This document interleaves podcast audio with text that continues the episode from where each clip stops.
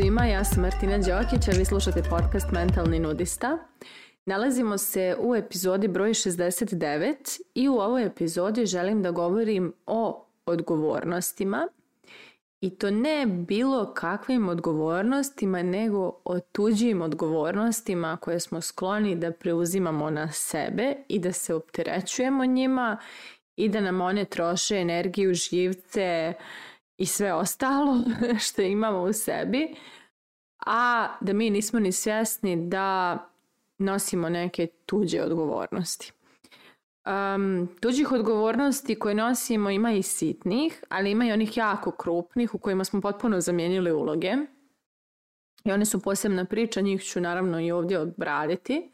A sitne su prosto da završavamo neke poslove koji treba neko drugi ta sebe da uradi, ali mi eto uskačemo, preuzimamo, radimo to i slično. E sad ovako, ajde da krenemo od toga uh, zašto mi to če, preuzimamo tuđe odgovornosti i šta nas to vozi u tom pravcu. I razloga je nekoliko. Jedan čest razlog je taj da smo u djetinjstvu uh, imali mnogo odgovornosti koji su nam roditelji prosto uh, nametali, ako smo rasli sa nezrelim roditeljima, kad kažem nezrelim, mislim emocionalno nezrelim, što je velika većina, ili ako smo, um, ako smo rasli sa jako strogim roditeljima, onda smo mi često osjećali ogromnu odgovornost da ostvarimo očekivanja svojih roditelja i zapravo preuzimali smo odgovornost za stanje svojih roditelja i za njihove reakcije i za njihove emocije i za njihove težnje, ciljeve i svašta nešto i tu smo naučili prosto da preuzimamo tuđe odgovornosti i da ih tako nastavimo preuzimati i kroz nastavak svog života. Drugo što se često dešavalo ili se dešava jeste da nas neki strah odvede u to da preuzmemo e, odgovornost za nekoga jer se bojimo za tog nekoga zato što ga vidimo kao slabog ili krhkog ili nekog koga bi možda mogli da izgubimo ako, ovaj, ako ne preuzmemo neku odgovornost koja pripada toj osobi i to se odmah nadovezuje ovo što sam rekla da neko koga bi mogli da izgubimo e, naša nesigurnost ili potreba da se dopadnemo drugima, da budemo prihvaćeni, da budemo validirani, to nas isto takođe zna odvesti u pravcu toga da preuzmemo tuđu odgovornost ili tuđe odgovornosti sad ovo validacija čest, ima dosta veze i s ovim prvim kojim sam navela razlogom, a to je ovo udovoljavanje svojim roditeljima. Ali suština je manje više svi mi nosimo neke tuđe odgovornosti i radimo neke stvari koje nisu naš posao i ne mislim se konkretno posao kao zadatak, kao, kao radimo mi nešto na poslu, šaljemo neki mail, nego mislim i na to da nosimo neke, mm, da kažem, e, brinemo o nekim stvarima koje nisu naša briga i opterećujemo sebe nekim temama koje nisu naše teme, jer se osjećamo odgovornima i mislimo da je to naša tema. I sad e, Dešava se da recimo smo, to se meni dešavalo, na primjer ja sam radila na poziciji marketinga u početku svoje karijere, a osoba koja vam je marketing je između klijenta ili, ili direktora firme u kojoj radi, vlasnika i između tima dizajnerskog, kreativnog i slično. I meni se često dešavalo da preuzimam odgovornost da ispeglam reakcije jednih i drugih, odnosno uh, da e, ako tim nije nešto dobro odradio, ja ga štitim pred, e, pred krajnjim korisnikom ili šefom ili klijentom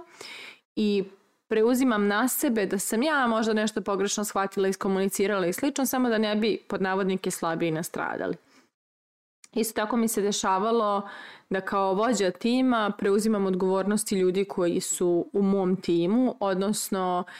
kao people pleaser koji sam bila i vjerovatno i dalje u nekim poljima života jesam, važnije mi je bilo da ljudi budu kao zadovoljni, da, da oni ne osjećaju da imaju previše odgovornosti, odnosno da ljude štedim, da, da kao budem dobra ljudima, a onda preuzimam da radim neke stvari koje nisu moje i praktično tu svoju poziciju moći ne koristim dobro, odnosno koristim je na pogrešan način, a to opet utiče i na kvalitet iskustva osobe koja je u mom timu, jer ne dobija mogućnost da se ona razvija i da preuzme odgovornosti, da sazri i da, i da izraste u nekog profesionalca. Isto e, što se često zna desiti je da preuzmemo odgovornost e, za svoje roditelje, E, odnosno, to sam viđala često i imam i blizak slučaj toga kada dijete više brine o roditelju i nekako gleda roditelja kao nemoćnog, ne mislim sad samo fizički nemoćnog kao roditelj je bolestan pa, pa treba mu pomoć, nego mislim baš na tu emocionalnu nemoć. E, gledamo u roditelju da nije sposoban ili nije, nije, nema kapacitet da se nosi s nekim izazovom koji mu je život nametno, bilo da je to otkaz ili gubitak neki drage osobe ili nešto tako. I onda dijete krene da svoj život prilagođava potrebama roditelja, uh, da svoje reakcije, svoje odluke i sve živo namješta tako da svom roditelju nekako kreira prostor e, sigurnosti i da ga štedi.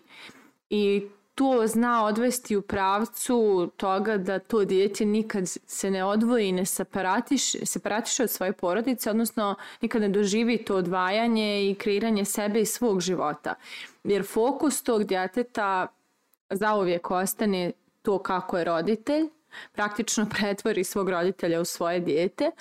a onda samo dijete, koje je istinski dijete u tom odnosu, nikad ne doživi to da možda iskreira neki svoj život, svoju porodicu, prosto da se da neke svoje potrebe zadovolji, je li tako? E, takođe, Eh, na raznim nekim poljima možemo da preuzimamo tu odgovornost brat, sestra, partneri, znači razne neke relacije tu postoje,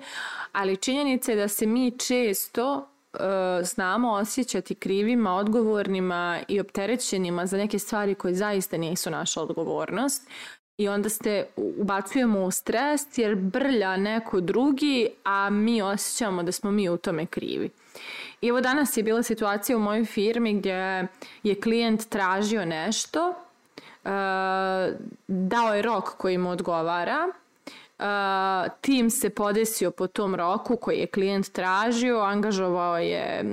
spoljne članove, napravio raspored šta sve treba i onda kad je poslao klijentu zahtjev šta mu je potrebno, klijent je prestao da se javlja. I samim tim klijentovo ponašanje počinje da probija rokove – A onda osoba koja vodi cijeli projekat je ušla u stres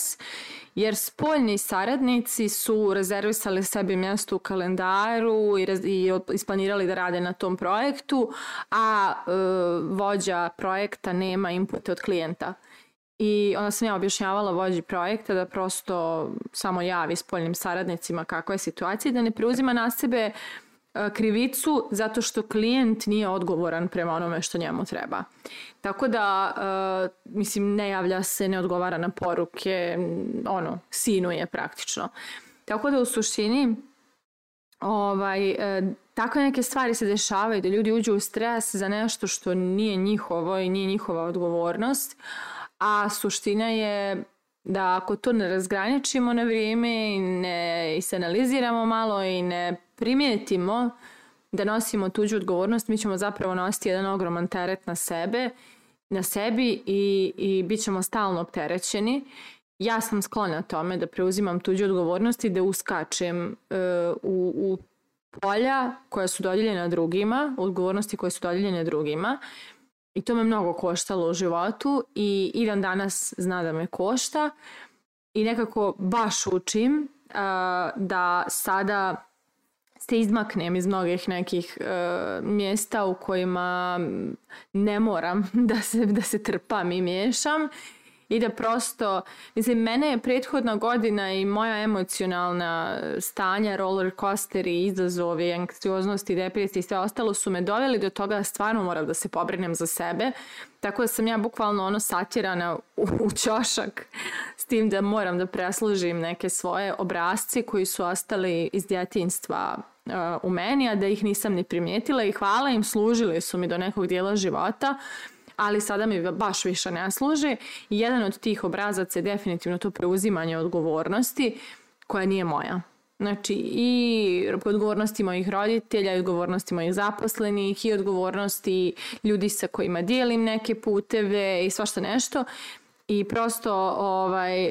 učim da pustim ljude, na kraju krajeva i da dam njima prostor da se i oni razvijaju i stiču svoja iskustva, a da ja dobijem olakšanje za neke stvari koje stvarno nis, nema potrebe da ja nosim na sebi. Tako da moje pitanje za kraj ove epizode jeste um, čije vi, koje sve to tuđe odgovornosti vi nosite i kada ćete da prestanete. Mislite o tome, a mi se družimo u narednoj epizodi.